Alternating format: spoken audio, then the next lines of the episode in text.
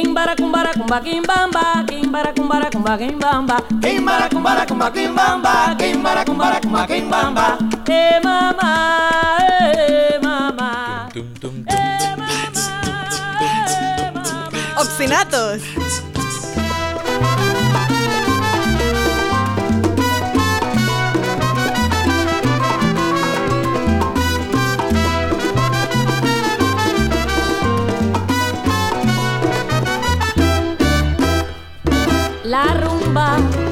está llamando. Molt bona nit i benvinguts a Obstinatos, avui amb aquest ritmazo que portem. Com esteu, xicos i xiques, nois i noies? Bona nit, Pedro Pablo. Bona nit, Jordi, com estàs? Bé, prou bé, la veritat és que molt animat amb aquest musicón amb el que comencem avui. Que guaguancó, El guaguancó. guaguancó, Ah, guaguancó. guaguancó. que no vengan aquí cubanos a reclamar lo que... No, no, no, no, no, no. Vale. Que, que no reclame nadie. Uh, Alvalora, bona nit, com estàs? Bona nit. Molt bé. Ja no pots dir que sóc a Mallorca, eh? Ja... Bueno, ho puc dir perquè ningú t'està veient, en realitat. En realitat podries estar a Mallorca, però és igual. Uh, en fi, uh, Pablo Bustamante, molt bona nit, com estàs? Molt bona nit, molt bé, aquí, bailando. Bailando. Por dentro. en, en mi interior estoy bailando. Bailando en silencio. Sí. Um, Berta de Cabanyes, com estàs? La Berta està bailando con lobos. Perdó. No. Nah. perreando con lobos.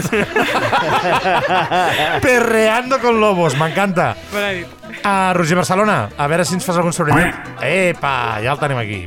Uh, bueno, doncs avui estem molt animadets, estem aquí amb una energia increïble amb aquesta, amb aquesta rumba. Uh, Guaguancó. Bé, da igual, da igual, és igual. Uh, perquè avui parlem de música i dansa. I guaguancó. I guaguanca.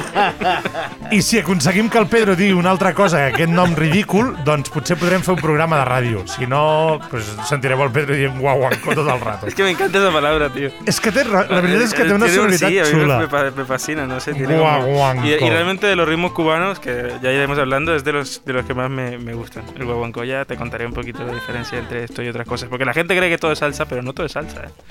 Vale, bueno, per mi salsa és el que es posa les patates braves. O sigui que, um, dit això, uh, una editorial que ens està. Vamos a ello.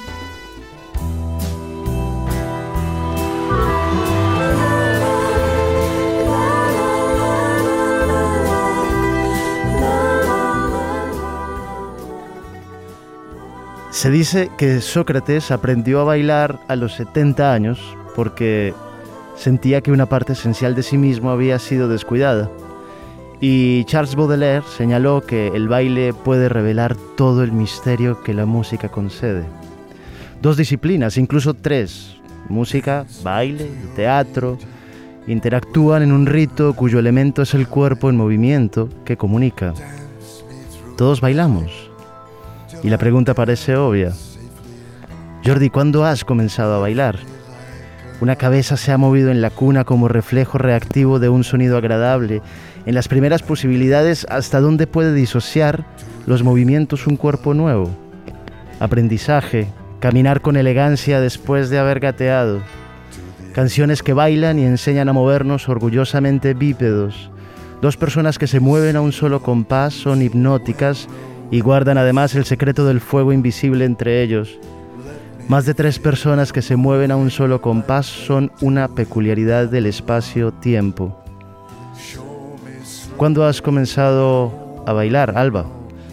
Como danza de seducción, obedeciendo el instinto animal, en la soledad de casa, fregona en mano, siguiendo con el pie y sin, y sin que tu mente se entere el ritmo de esa música lejana, como liberación en un día de fiesta despojándonos de toda dignidad para recuperar la más grande, como protagonistas en el medio de la pista de baile o en la plaza del pueblo, en la ducha, con los ojos cerrados y en el momento del champú, abrazados a los afectos por la necesidad de sincronizar con tus semejantes, follando con tu pareja, siendo uno en el ritmo del baile supremo o sencillamente imitando el mar.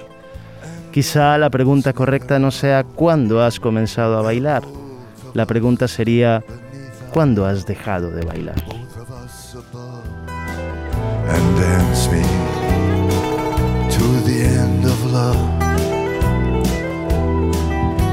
Dance me of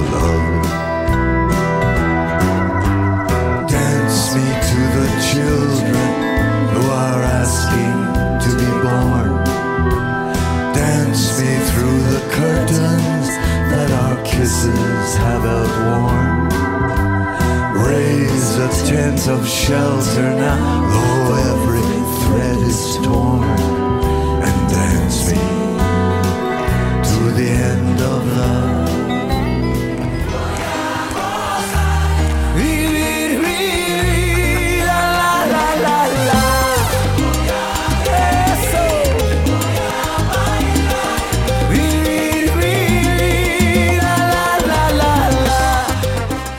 Vale, còctel molotov d'emocions i sensacions, la sensualitat de la veu del, del Pablo mentre ens llegeix aquestes magnífiques paraules que ens escriu cada setmana.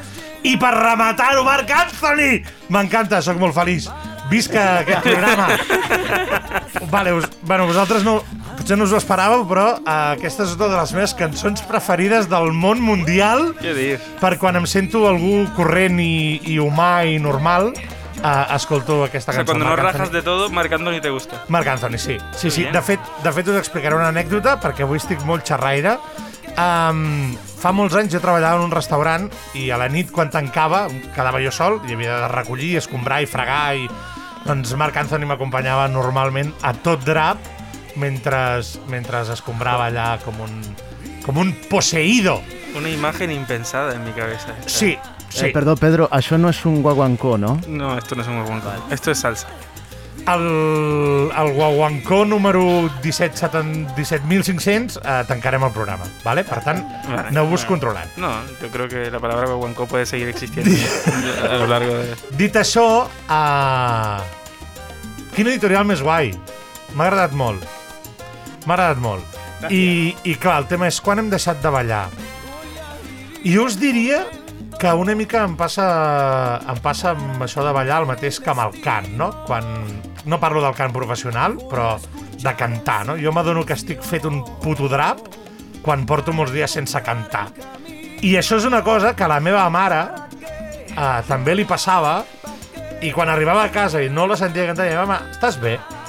I sabies que no, que no, que alguna no anava bé, no?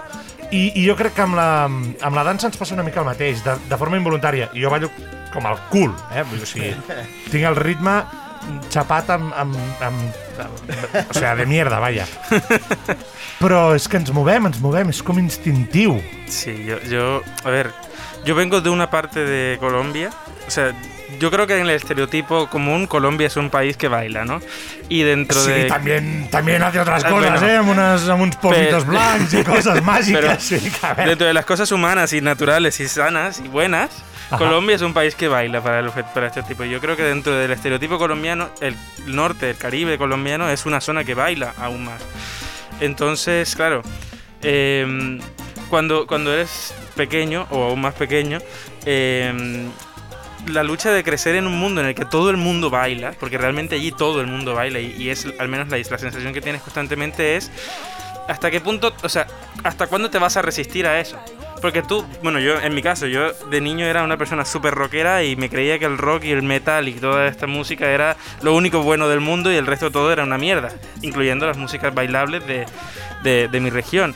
Entonces, pero claro, en el colegio, como te tocaba bailar, porque sí o porque no, para la clase de educación física te tocaba bailar, para una muestra cultural te tocaba bailar, para explicar en ciencias sociales cómo eran los ritmos te tocaba, o sea, era algo, es algo muy típico y muy nuestro, muy propio. Entonces, claro, tú, un poco la lucha de crecer en ese mundo es qué tanto te resistes a esto, o sea, hasta cuándo.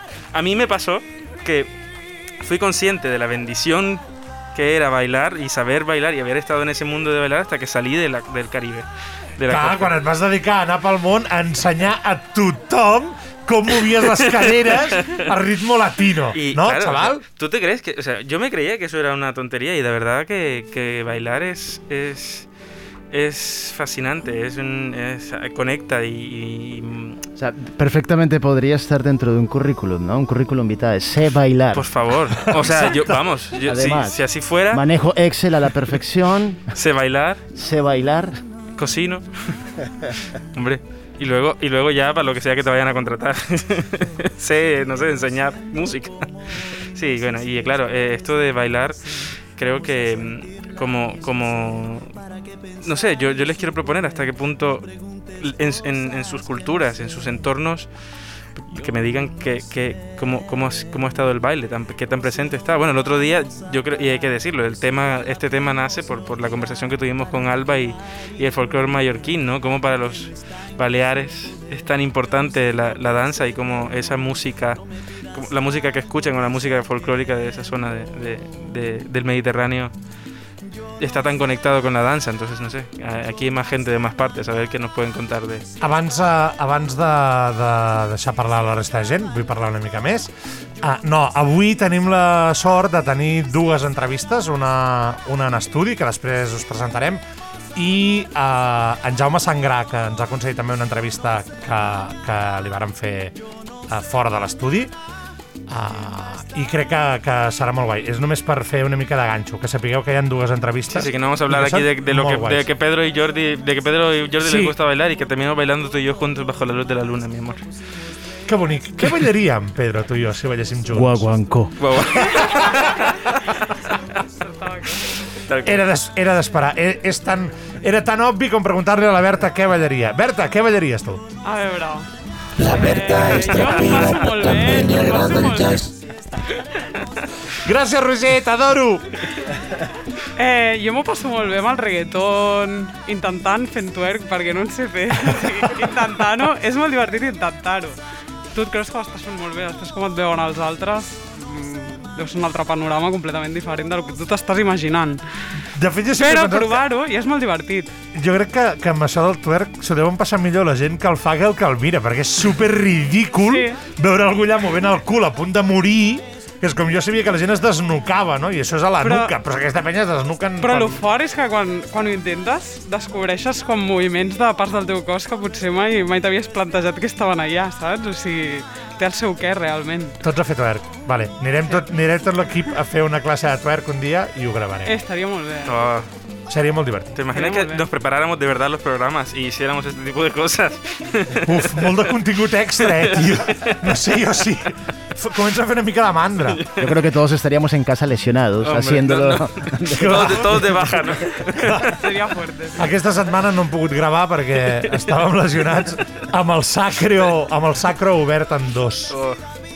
Sí, a mí, bueno, eso, eso que dices también, bueno, el twerk es un, es un, es un baile que viene de, de, la, de la parte de- norte del Caribe también, o sea, lo que es Jamaica y todas esas islas de antillanas, y como cada vez más el, el baile entra en ese, pa- en ese paquete de, de- de cosas universales, todos los bailes, ¿no? Porque antes los bailes, habían como tres grandes bailes, ¿no? El swing, el tango y las músicas de salón, ¿no? El vals y estas cosas.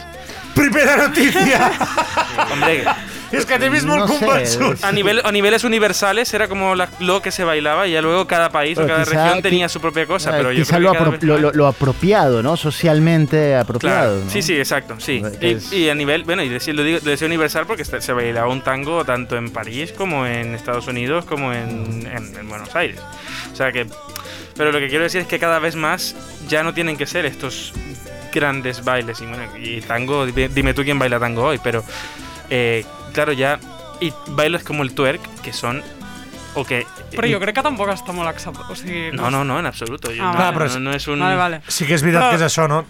Fa cinc dècades la, la estandardització dels balls que arribaven d'altres zones eren Sí, molt sí, sí. concretes, no? I vale, pues, uh, això sí, sí, sí. que... El baile- los bailes que se presentaban en las, en las, en las clases en las clases altas, ¿no? En los espacios Mm. social, como dice Pablo, los espacios socialmente bendecidos, ¿no? Por la por el por el bien común y por la por la bien, no sé, la- los bailes bien aceptados y los espacios Hombre, bien sí, aceptados. sí, sí que hay una, una, una- ha habido una, una moralidad con respecto a eso, ¿no? Los Sí. bailes que, que son elegantes y que mantienen un estatus social, ¿no? Una- una- un- las, las danzas, las contradanzas.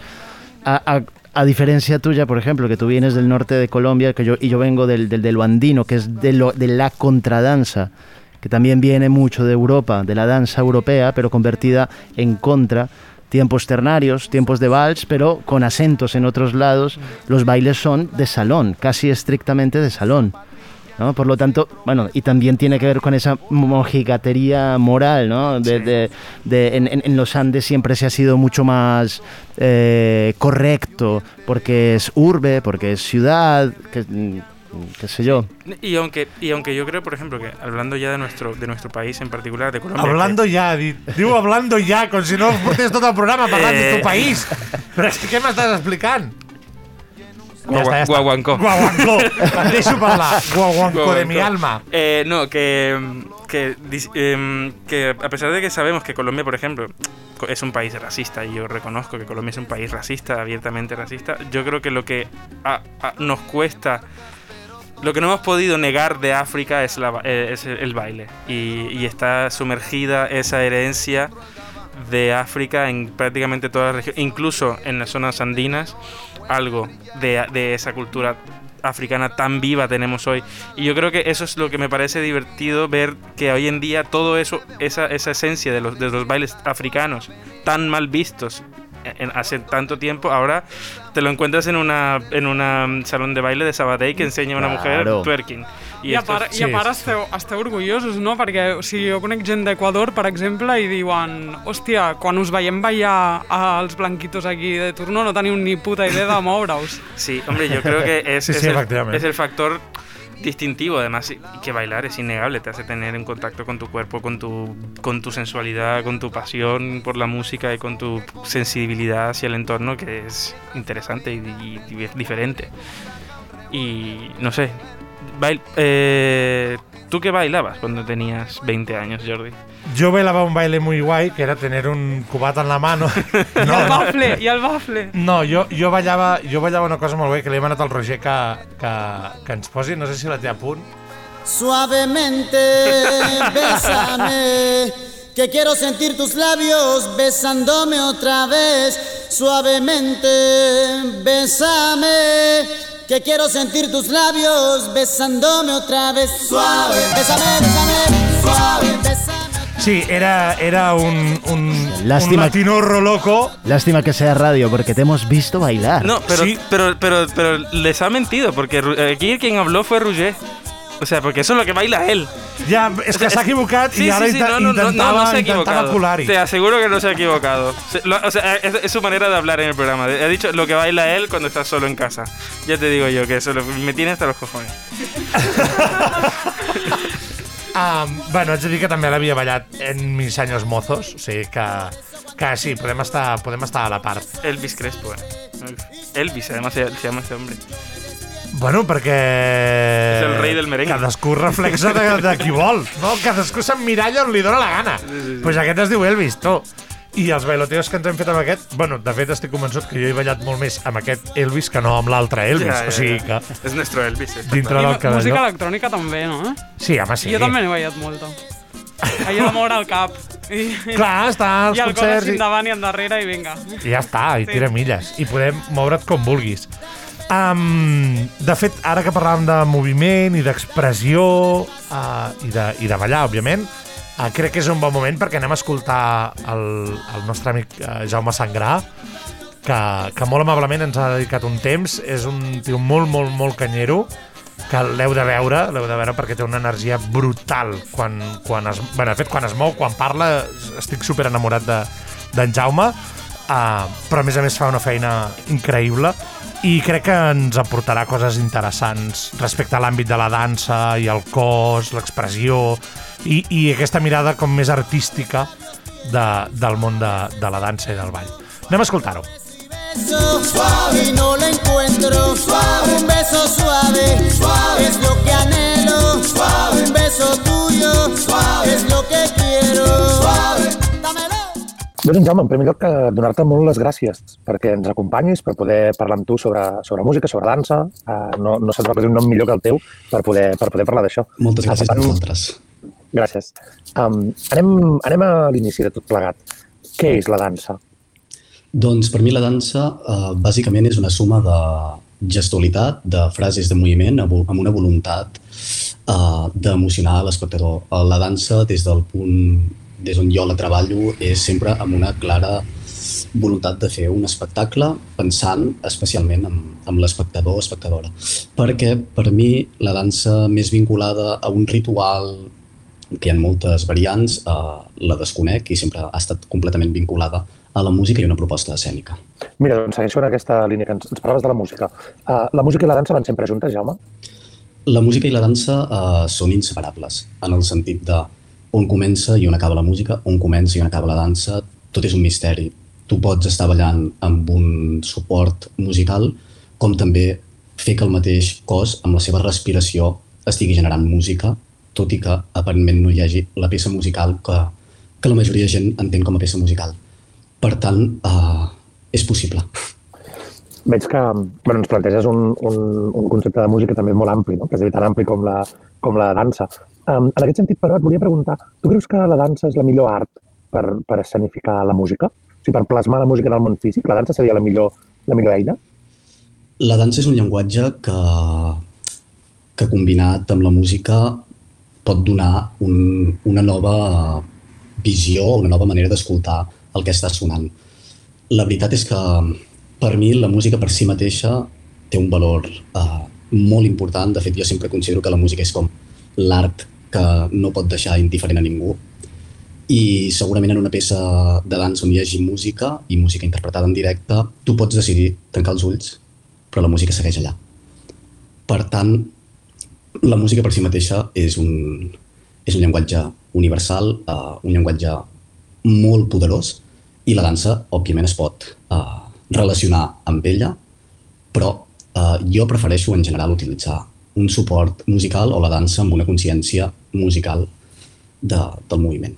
Jaume, ara et vull preguntar una, una, bueno, una pregunta d'opinió, eh, bàsicament, perquè entenc que la teva formació, malgrat que és molt extensa, no és d'antropòleg, però, però tu creus que... O sigui, quan creus que els humans van començar a ballar? Doncs aquesta és una gran pregunta. Des de, des de la meva òptica, jo crec que bàsicament algú comença a ballar quan li posa nom a això. Perquè aquí tornaríem a entrar en el debat de què és dansa i per mi eh, depèn molt des, de, des del punt on tu ho fas. Tu pots fer una acció quotidiana i si la fas des d'una perspectiva ballada, aquesta acció quotidiana es pot veure modificada amb una estilització, amb una conceptualització del que nosaltres entenem per dansa, però la- l'acció, si no s'estilitzés, per si mateix també pot ser dansa, perquè té una estructura rítmica en l'execució de l'acció i automàticament això pot ser entès com a dansa. Que guai, Jaume, ens encanta parlar amb tu, de veritat. Um, escolta'm una cosa, uh, per anar encarant uh, l'última pregunta, que et, et preguntaré ja directament com, quins projectes estàs tenint, etc etc. Però abans que això, m'agradaria molt saber com, com planteges el teu procés creatiu quan vas a crear una, una obra. Um, si hi ha la música primer, si hi ha el moviment, ben bé com, una mica com, com ho fas. Doncs una mica el, el procés creatiu depèn sempre molt del, de, o de l'encàrrec o de la voluntat de la proposta. En general, sempre hi ha, hi ha com un punt de partida amb una clara voluntat de què és el que volem expressar. I aquí pots començar primer treballant la part musical i quin moviment, quina coreografia amaga aquesta música, o pots treballar des de la part coreogràfica i després eh, trobar quina part musical pot agafar-se de la mà d'aquest material coreogràfic per, per crear el que, el que un vol dir. No? De, per exemple, d'un procés de creació molt actual, que és el de l'espectacle Bombolla Segura, amb en Carles Marigó, tot el procés ha sigut uh, molt, molt constantment en, en moviment de la música ens diu això, com podem crear el moviment amb la voluntat que nosaltres estem, amb la voluntat de dir, de tractar aquest aïllament que hem viscut, perquè l'espectacle tracta de com hem viscut aquest confinament i a partir d'aquí com donar un missatge d'esperança en aquesta situació actual. Doncs en aquest procés de creació hem utilitzat eh, en molts moments eh, la música com a punt de partida i en molts d'altres el moviment. Per exemple, hi ha un duo físic, coreogràfic, que en Carles Marigó, com a músic, artista, deixa el, la part de teclat i de música electrònica per passar-se a moure. En aquest cas, l'espai sonor, on també s'utilitzen paraules determinades per donar una concepció molt més clara del que volem dir, ha estat creat després. Primer hem creat un material coreogràfic amb una voluntat de mostrar el dilema existencial d'un individu tancat que en aquell moment és impossible que relacioni amb l'exterior. I, per exemple, en un altre moment puntual de l'espectacle, volíem expressar una celebració de, de la persona que ha acceptat aquest moment, que ha fet un aprenentatge i en aquest cas el que hem fet ha sigut partir de la música i la música ens ha ofert, regalat aquesta celebració. Per tant, depèn molt de l'espectacle i del, del, del moment de l'espectacle. Que guai, Jaume. Ens encanta de veritat que ens puguis explicar les, les interioritats uh, de la creació. Um, i, I per acabar, el que, el que et pregunto ara és una qüestió pràcticament de- d'agenda. Uh, podem veure projectes, podem veure coses que hi hagin a punt a punt? Doncs el projecte Bombolla Segura, que l'hem estrenat fa relativament poc, el vàrem estrenar a Blanes, vàrem fer el Festival de Pasqua de Cervera, el Sismògraf...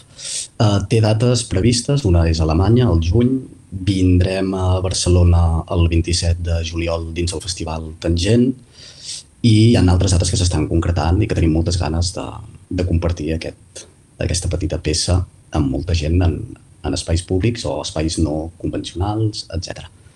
I n'hi ha un que, com a conseqüència del confinament, del març passat, no vàrem poder alçar amb en Miquel Ramos i l'Àlex Ramírez, dos músics, on, per exemple, aquest sí que el procés de creació ha sigut reinterpretar repertori clàssic de piano i clarinet. I aquí la dramaturgia, per exemple, tornant una mica al procés de creació, ha partit estrictament de dir aquesta és la, la música que tenim, quina dramaturgia teatral construïm, creem per ressignificar aquesta música. I a partir d'aquí, analitzant les peces, fent processos d'escriptura automàtica, hem aconseguit trobar quina història amagava a la música que s'havia escollit. I aquest projecte esperem estrenar-lo molt aviat. Està ara mateix eh, en stand-by a l'espera de que la situació sigui més favorable eh, per tots i totes i puguem finalment estrenar-lo, que segur que serà així. Jaume, seguríssim que sí. Uh, esperem que tan bon punt tingueu dates per estrenar, uh, ens ho feu saber, nosaltres ens en farem ressò i, i ho portarem allà on, on aneu. Moltíssimes gràcies. Moltíssimes gràcies per acompanyar-nos. A vosaltres. Um, ens veiem aviat, uh, molta força, molts ànims uh, per, per els projectes que tens en marxa, pels que probablement acabin de trobar estrena ara. Uh, molta sort i gràcies per estar amb nosaltres, de veritat. A vosaltres, moltes gràcies.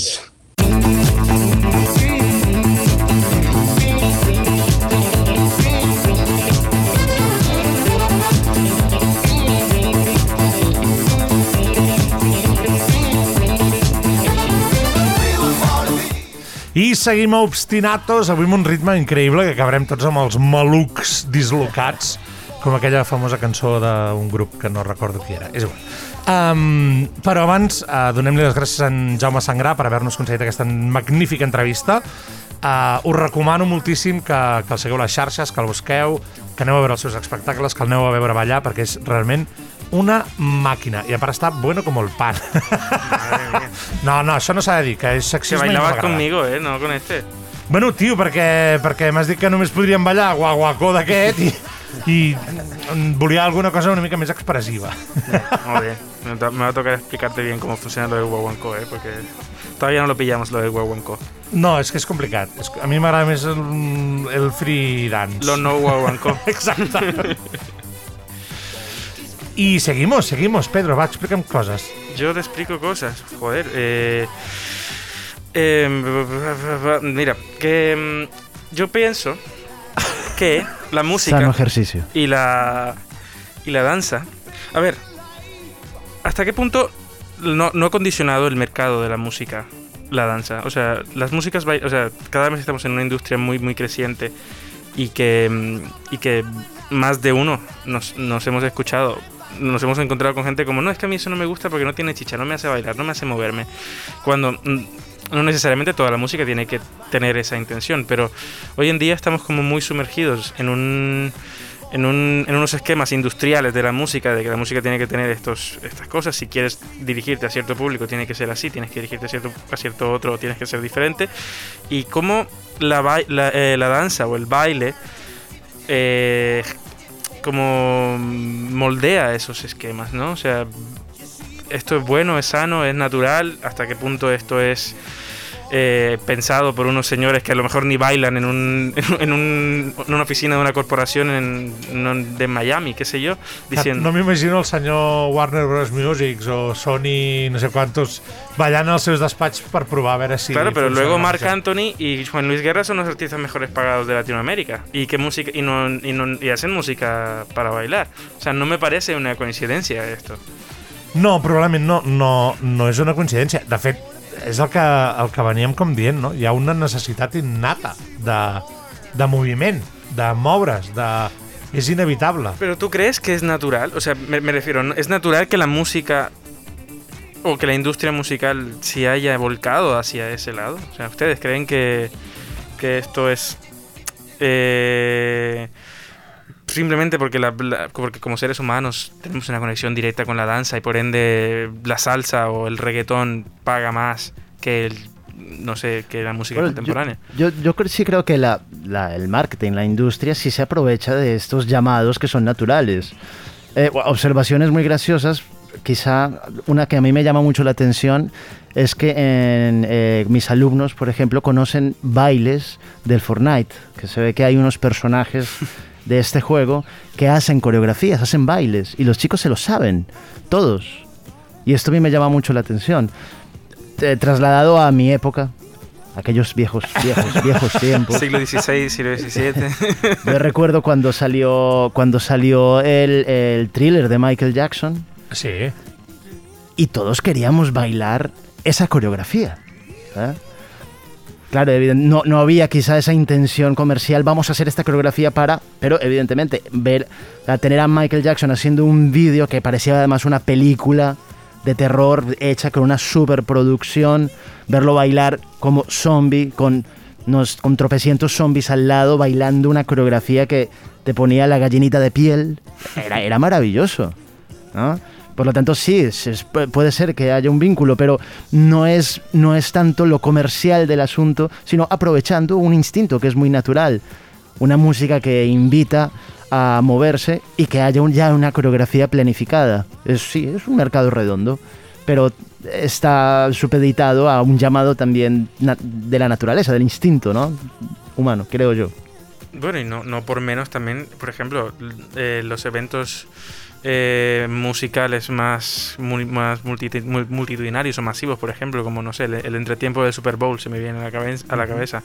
Eh, tú siempre terminas hablando de la coreografía de Shakira o de Beyoncé o de J-Lo o de Michael Jackson en su, en su tiempo. O sea, mm, realmente poco, poco se habla de, oh, mira, ¿cómo desafinó ahí Shakira? Eh? Mira, no estaba, nadie piensa en eso realmente, nadie escucha la música. Claro, pero la música para este tipo de eventos es una música eh, espectáculo, ¿no? Entonces es una, es, es una integración de artes, ¿no? Está la, la música, está las luces, está el vestuario, está la coreografía, ¿no? Es una, es- es una suma de cosas. Pues Berta de Cabanyes, deixa de dir que sí amb el cap i digue'ns alguna cosa, que m'estàs No, que posant jo crec que, que és tot, o sigui, tot és un conjunt de coses, o sigui, que no només és que es fixin en el ball, perquè jo he anat a veure la Beyoncé, per exemple, i jo també em vaig fixar moltíssim en que canviava de vestit cada dos per tres, i també era brutal, allò. Vull dir que tot, o sigui, que és obvi que no només la música forma part de, de l'espectacle, sinó tot el conjunt de coses, i el ball és una cosa també molt important. Però, però que, o sigui que no veig com aprofitar-se tampoc del ball, o sigui que la indústria s'aprofita del ball, sinó veig que és una cosa que es complementa amb la música i que, òbviament, va amb el pack. O sigui, saps? Tampoc ho veig que, que sigui com aprofitar-se. Ya, no pero, sé. pero entonces la música que no va con el pack, ¿qué? És un conyazo, que és el que ens passa no, als però, Mijales però hi ha de, música, de clàssica però hi ha de... música per què sé. tot, però hi ha música per tot, o sigui, no tota la música t'ha de fer moure't un divendres a les 2 de la matinada. No? Vull dir, potser aquesta música no et ve de gust La música que un mola sí, dilluns al tio. matí. La resta de música és un asco. Ja està. Només hi ha dos tipus de música. La música que es balla i la música amb la que et tallen les venes. Doncs pues ja està. No hi más. No, és broma. No, per al Pedro hi ha latino o no latino. Si, si, si m'apures molt, electro latino, que a vegades també, i si se n'oblida el Pedro, el Roger, que també li mola molt, doncs ja li fot cullerada amb l'electro latino. Sort que no hi ha el Juan avui, eh? també Ui, us ho ui, diré. ui. Perquè amb el Juan haguéssim tingut aquí una... Que le mandamos un beso y un saludo y un abrazo sí, gigante. ¿eh? Sí, la setmana que ve ha promès que estava amb nosaltres, per tant l'esperem amb els braços oberts i amb alguna cançó xusta que a ell li agradi escoltar, que segur que escolta música de merda. Um, dit això, i parlant de balls, i una mica lligat amb el, amb el que ens comentaves, Pedro, d'això, no? De, de, de, bé, de res, de ballar, és igual. Um, us presento... Sí, de, lligat amb lo del guaguancó. Um, ara sí, donem la benvinguda a la nostra convidada en estudi del programa d'avui. Bona nit, Alicia Delfí, com estàs? Bona nit, moltes gràcies. Uh, el Roger molt, molt encertadament ens ha il·lustrat això amb un, amb un vals vienès preciós, el Danubi Azul, i us preguntareu per què hi ha l'Alicia Delfí aquí i el Danubi Azul sonant? Que algú s'ho pregunti. ¿Por qué está la Alicia aquí y el Danubio está sonando? Vale. Uh, L'Alicia Delfí és musicòloga, uh, de fet és doctoranda ara mateix del Departament de Musicologia de l'Autònoma, i uh, bé, bueno, que ens ho expliqui ella, eh, però en, està estudiant els balls de màscara, si no m'equivoco, al Gran Teatre del Liceu. Exacte. Sí, no estic aquí perquè balli eh, el Danubi Azul, vull dir, estic aquí perquè estudio els balls de màscares del Liceu. Eh, llavors estic fent això, una tesi doctoral sobre què ballaven durant les temporades de Carnaval els barcelonins des de la creació del teatre, el 1847, fins a la Guerra Civil, de fet a l'inici de la Guerra Civil, que ja va anar de baixa perquè amb la dictadura, o sigui, amb la guerra i després amb la dictadura, ja els balls es van acabar perquè era massa... Sensual. Bueno, Massa clar, si ajuntes màscares, disfresses Franco, i ball, és i com... clar. I Franco no van de la mà. Exacte. Franco bailando, eso es una No. imagen que se me acaba de venir a la cabeza y que no sé si quiero compartir con Jo, todos ustedes. jo crec que en algun programa del Polònia hi ha un Franco imitat ballant que és Yo molt soy un. Franco que baila en cualquier caso. Pedro, Pedro, imagínate a Franco bailando guaguancó. Ugh, increíble. Ah, la vida. Mi cabeza. Y así es cuando nos echan de todo. Sí, bàsicament. No ho vam aconseguir a l'estiu, al Nadal, ho aconseguirem ara. Um, I explica'ns, Alicia, llavors resulta que els barcelonins anaven al teatre a ballar. Exacte. De, de fet, no només anaven al Gran Teatre del Liceu, sinó que hi havia altres espais de la ciutat, des de teatres fins a sales més petites, on també um, es ballaven aquests balls de màscares per Carnaval. Però sí, sí, o sigui, els barcelonins més rics, diguéssim, anaven a, al Gran Teatre del Liceu a ballar. I a més a més, bueno, una cosa que a mi crec que és interessant, que potser us preguntareu on ballaven, perquè és clar, una sala, Un una teatro platea lleno amb de tot silles. Exacte. Doncs el que feien és que posaven uns empostissats durant, la, durant aquests, aquest període de Carnaval, posaven un empostissat a sobre de la platea, de manera que així desapareixien les cadires, per entendre'ns, o sigui, les butaques, i llavors ballaven durant en tot aquell espai. Clar, realment és molt, molt gran allò, si ho considerem tot, tot de fusta, diguéssim, i clar, allà hi anava molta gent, o sigui, més de... A vegades podien ser 3.000 persones ballant allà. Ah. I, mm, a més a més, és una cosa nocturna, començaven normalment sobre les 10 i depèn del dia podien allargar-se fins ben entrada la matinada i a mesura que s'acostava la quaresma els últims balls potser acabaven a les 5 del matí i tot. Per O tant, sigui que, el, que els, els viejunos també se sabien passar bé. I afters hi bueno, ja el feien allà al Liceu, Això, l'after. això podria ser perfectament. Un estudio, un estudio Sí. musicológico posterior. Bueno, de ¿eh? fet, no ben bé un after, però sí que anteriorment hi havia dues sales a Barcelona on també es feien balls de màscares, que una era la llotja, que està Mm. a, bueno, al, al, a tocant al mar, diguéssim, i, i aquella era més com de rics, diguéssim, gent benestant. I després n'hi havia una altra que estava, diguéssim, el que seria ara el Raval, que era més de gent treballadora, i llavors el que feien els rics era que anaven a la llotja, quan s'acabava el de la llotja, deien, me'n vaig Vamos al de verdad. me'n vaig a l'altre i clar, allà bueno, es veu que era millor perquè les escenes eren... Bueno, o sigui, els, els que escrivien sobre els balls a l'època deien que allà passaven coses bueno, que, que millor no veure-les i tal. Llavors, clar, els rics amb intriga anaven allà. Experimentar la vida real. Clar, era com, una, com un doble ball de màscares, no? Barreges amb gent, tal, i a sobre barreges classe social, i vinga som-hi, i alcohol, i festival, Que no es un invento reciente entonces esto. Yo me creía No, que esto va, nos lo va. habíamos inventado las generaciones No. los jóvenes. No, los jóvenes que odiamos a la humanidad y hacemos cosas muy malas y muy feas de noche. No, no, no, que va, que va, que va. o sea, que puede ser que el abuelo de alguno de ustedes haya estado en una de estas cosas.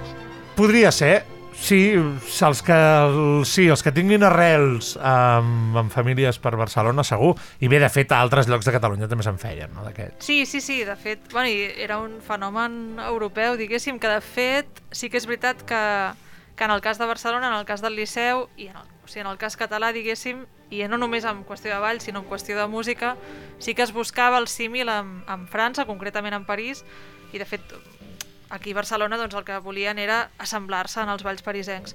De fet, una gran part de, dels compositors de les partitures que he anat trobant, una gran part de compositors són francesos, després sí que n'hi ha algun altre, que no, potser algun alemany, però que jo abans de començar doncs, potser m'esperava que, que tro- trobaria més autors aus- austríacs i, i alemanys i tot això, i, i només hi ha els Strauss, aquests els típics, però després la gran part dels autors estrangers són francesos. I després sí que és veritat que una altra cosa interessant és que també hi ha molts compositors catalans, per tant, està bé perquè és, hi ha com aquest emmirallament en França, en París, però també hi havia eh, creació catalana, que això em sembla realment molt interessant, vull dir que no, no, no, anaven, no depenien d'altres ciutats, d'altres països, sinó que ells eren capaços de crear el seu propi repertori i malgrat que es fessin el mateix tipus, les mateixes tipologies d'obres, es feien aquí, que això em sembla molt interessant, que ara potser, bueno, no sempre, no? però depenem més de, del que es fa fora i en aquella època combinaven les dues coses. ¿Y qué géneros bailaban? Això anava a preguntar.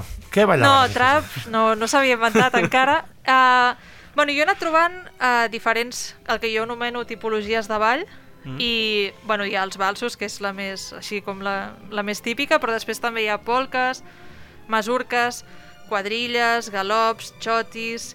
I sí que és veritat que en el cas català, que això, clar, a França doncs, no, no, no hi és, he trobat uh, habaneres Mm. i americanes, que també en deien, però o sigui, habaneres i americanes, que això sí que és interessant perquè... Bueno, i perdó, i algun tango també. Sí, sí que hi, ha, hi havia com aquesta... Conexión con americano. Exacte, ja començava. I jo, clar, suposo que en, en el context català i espanyol doncs era més fàcil que no en un context europeu més al nord, que potser els hi quedava més lluny. Llavors això és, és curiós. Mhm. I llavors això ho ballaven... Uh, o sigui, entenc que el, els músics eren una orquestra. Era l'orquestra del teatre. O... Exacte, hi havia l'orquestra del teatre que, que estava tocant allà, de fet eren o sigui, els, els mateixos músics i cobraven un extra, o sigui, cobraven per les funcions d'òpera i després cobraven pels dies de balls de màscares. I, i això vull dir que es dedicaven a tocar durant les òperes i després en aquests períodes de carnaval tocant els balls de màscares. Vaya, festival, festival. Lo- lo- Una pregunta, ¿lo- ¿los bailes eran, eran en pareja? ¿Había coreografía? ¿Había un poco de todo? ¿Habían bailes individuales? ¿O cómo, cómo, cómo ocurría el, el Els baile? balls depenia una mica de, del tipus de tipologia de la tipologia de ball. Uh, per exemple, les quadrilles eren en parella, o sigui, eren normalment o dos, quatre o sis persones, i o sigui, aquestes tres parelles, diguéssim. Després hi havia la majoria de balls en parella, i després doncs n'hi havia que eren circulars, hi havia una mica de tot. El que sí que és interessant d'aquí és que hi ha una coreografia, o sigui, hi havia, és el, el que dèieu abans, hi havia unes coreografies estipulades i, de fet, eh, hi ha molts tractats eh, de O dansa sea, antes de del l'època. TikTok la gente se preparaba bailes. Sí. No creo. No, i és més, o sigui, hi ha molts tractats, de fet hi ha, hi ha un, un anglès de, del segle XIX que es deia Thomas Wilson, que feia, o sigui, té com molts llibres que jo vaig començar a trobar i dic, "Pues, és una bogeria, sobre com ballar i, i bueno, si mireu aquests llibres que més estan, estan tots a internet, penjats, digitalitzats, que és una meravella, perquè es veuen bueno, el, el, amb, amb els dibuixos com són aquestes coreografies. Wow. Uh, I llavors això. I després, jo de, de, de tractats en, en el cas català n'he trobat pocs, però el que sí que també he trobat és que hi havia molts mestres de ball a Barcelona que donaven classes perquè la gent aprengués aquests balls i pogués anar Se a ballar. el carnaval, se el carnaval. Y no me sé la última. Exacte, no- polka, no em sé la mazurka. mazurka. És com anar a classe perquè t'ensenyin a ballar la Macarena, no? La, Mm. la Macarena de, dels vells de carnaval. Sí, del- sí, però bueno, era una sortida laboral també, o sigui, fer classes per ensenyar a la gent a ballar. Y tengo un par de preguntas. La primera. Eh, oye, bueno, hace un tiempo, ya, no, ya cada vez menos, pero antes era como la noche de música tropical, noche de reggaetón, noche que aquí era noche de mazurcas, noche de no sé qué, o cada noche era como muy diversa. No, no, normalment els programes que he pogut veure eh, es feien una selecció, doncs, per exemple, dos quadrilles, dos valsos, una polca, i el que sí que es, normalment l'estructura es mantenia era que l'última peça era un galop, sempre. Mm. Uh, I a més a més, de fet els galops eren un, bueno, uns balls com molt moguts uh, i normalment en algunes ocasions uh, s'utilitzava pirotècnia en el moment del galop. Dentro del teatro. Sí. I, Wow. bueno, he trobat els rebuts Ja qué se quemaba del, del, Claro. del, o sigui, de, del pagament de- d'aquesta pirotècnia i el que una altra cosa així interessant és que, perquè veieu que els barcelonins tenien moltes ganes de ballar, en un dels balls de màscares l'orquestra va acabar de tocar l'últim galop i, i els, els assistents uh, van dir torneu-lo a repetir, torneu-lo a repetir, que volem seguir ballant. I l'orquestra va dir, bueno, escolti, hem, acabat.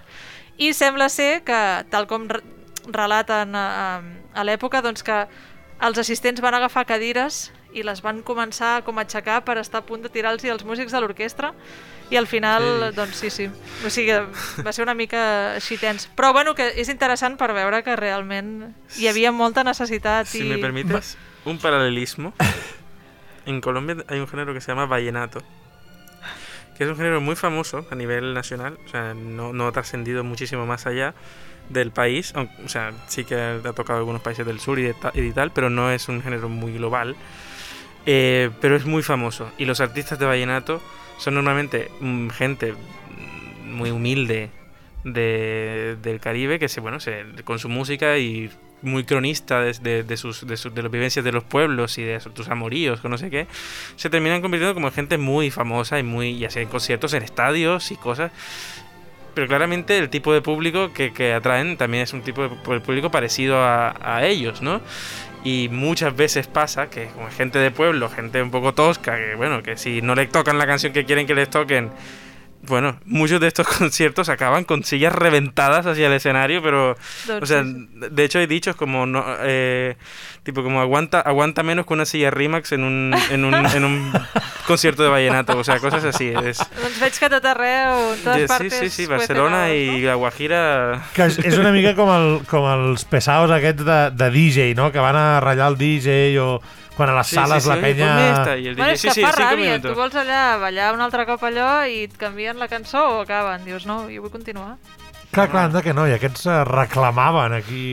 Ja ves tu, l'alta aristocràcia catalana, pocs problemes tenien per hostiar a una, Una orquestra. a una orquestra. de pobres músics que no cobraven. Y claro, los músicos los que siempre llevamos Sempre del bulto. A veure, caso. haver estudiat, eh? Sí, o sigui, sí, ja sí. saps que aquesta és la meva frase ideal pel món dels músics. I de fet ara l'ampli- l'ampliaré i la meva pròxima frase serà haver estudiat econòmiques, eh?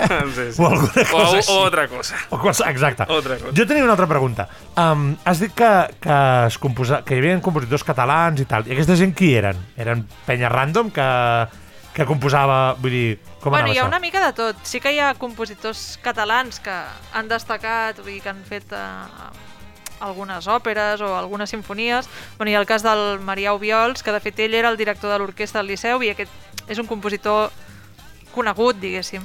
Però després, altres compositors d'aquestes músiques eren els propis músics de l'orquestra, alguns que potser tenien més facilitat o que havien estudiat més i, i escrivien aquestes, aquestes peces. De fet, doncs, hi ha casos de clarinetistes, flautistes que escrivien um, aquest, uh, aquest repertori.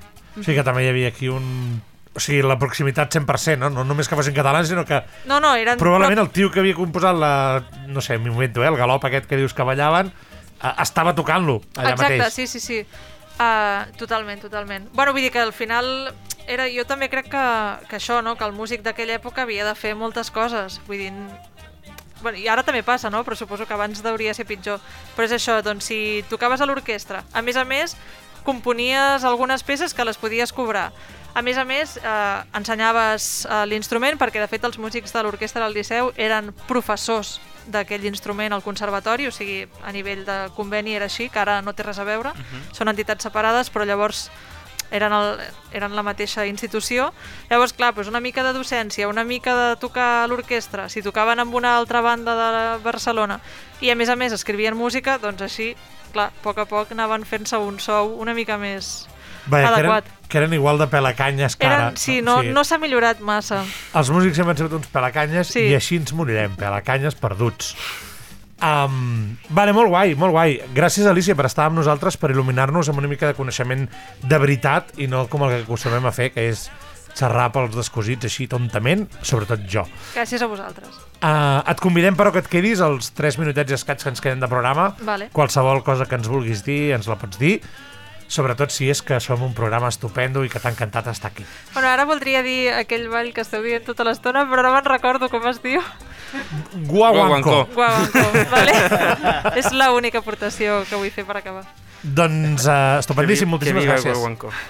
Um, bueno, pues eso, guaguancó, balls de màscares, disfresses... Crec que, que ha de ser, havia de ser guai, no? Està... No, ai, no sé, no sé. A ver, a mí, a mí lo que se me ocurre además es que me, me- me imaginé eh, una la típica historia de, claro, como esto es un baile de gente rica, me imaginé los típicos dos, tres colados que se meten ahí eh, y que se hacen pasar por ricos y, y se termina siendo el alma de la fiesta y terminan liándola de una manera espectacular. No sé, me- me- mi cabeza creó una historia... Yo, yo, lo que, yo, yo lo que pienso como, como algo muy divertido es que llevaban, bueno, era una fiesta, un baile de máscaras, por lo tanto la máscara también supongo que otorgaba una, una soltura, ¿no? una desinhibición extra aparte Sí, de, de- i- del... I no només de màscara, sinó que també, depèn de l'any, anaven disfressats. Vull dir que és com tot Claro. aquest joc, una altra dimensió, a més a més. O sigui, música, noche dansa, de canviar todo. de personalitat, et converteixes en algú altre. Claro. Però clar, hem de tenir en compte que això era per Carnaval, Exacto. eh, just abans de la Quaresma, que és el període més restrictiu Ujú. de tot el calendari litúrgic. Llavors, clar, havien d'aprofitar per fer el màxim, sí, sí. Wow. Bueno, la, la música y el baile no solamente son, o sea, meten en, en ese en ese pack a la fiesta, ¿no? Entonces, al final, o sea, son dos cosas que si música y baile son siempre van juntas, podemos a poner la fiesta fiesta, locura i, y, y rock and roll. Clar, i, i, bueno, i de fet és això, no? Estic segur que si convidéssim a un, a un a, especialista neurocientífic o alguna cosa per l'estil, segur que ens diria... Si fuésemos así de buenos. y Sí, tuviéramos- sí, sí. Si tinguéssim el pressupost o les ganes de muntar els programes amb aquest temps, no, vull dir que segur que ens diria que, que això, no? que alliberes endorfines i Sí. les mil i una històries, no? que, que, que allà estem, que allà estem, que està tot barrejadet i la suor quan balles mola. Ja està, és el que hi ha. Roger, Yes. com anem de temps, perdó. És que vaig que em va fent senyals. Que te vayas Vale, a tu casa, arriba que el se moment. quiere ir a comer. Doncs, A cenar, digo. doncs senyores i senyors, eh, persones humanes i no humanes, eh, sembla que fins aquí arriba el nostre programa d'avui. Moltíssimes gràcies per estar amb nosaltres. Gràcies un altre cop al Jaume Sangra per l'entrevista que ens ha concedit. Gràcies a Alicia Daufi per estar aquí amb nosaltres. Gràcies a vosaltres per convidar-me. No sin Ah. antes que nos escuchen en todas partes y nos sigan en todos lados. Exacte. Arroba obstinatos, Twitter, Facebook, Instagram, Grindr, Tinder, eh, etcétera. Grindr, Sí. ¿no? Spotify? Has dit Spotify? Ah, Spo- Spotify. Bueno, es principalmente en Spotify, A ¿no? Spotify, eh, tots els programes de d'Obstinatos estan ja disponibles eh, en streaming a Spotify. Al igual que a UAB Radio y a Radio 4 en A plataformas carta. de radio televisión española. Correcte. Dit això, Berta de Cabanyes, moltes gràcies per venir i portar-te el teu trapeo amb tu i parlar-nos del twerk. Un plaer. Bona nit. Uh, Pablo Bustamante, gràcies per la teva veu sensual i la teva editorial uh, sensual també i les teves aportacions també sensuals. Encantat i guaguancó per tothom. El Valora, t'hem tingut molt callada, eh? Et vas gastar totes les piles la setmana que- passada parlant de Mallorca. I com que no he tornat a Mallorca, pues, Estàs de bajona. estic de bajona. T'haurem de donar una mica de guaguanco. Ah, Clar, és el que me faltava.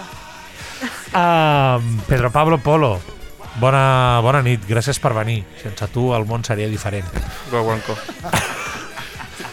Pues Guaguancó i Roger Barcelona, que no ens pot parlar, però ens pot fer pets. No sé si eren pets, això. Joder, tú te esperas de ti, tío. ¿Qué fue?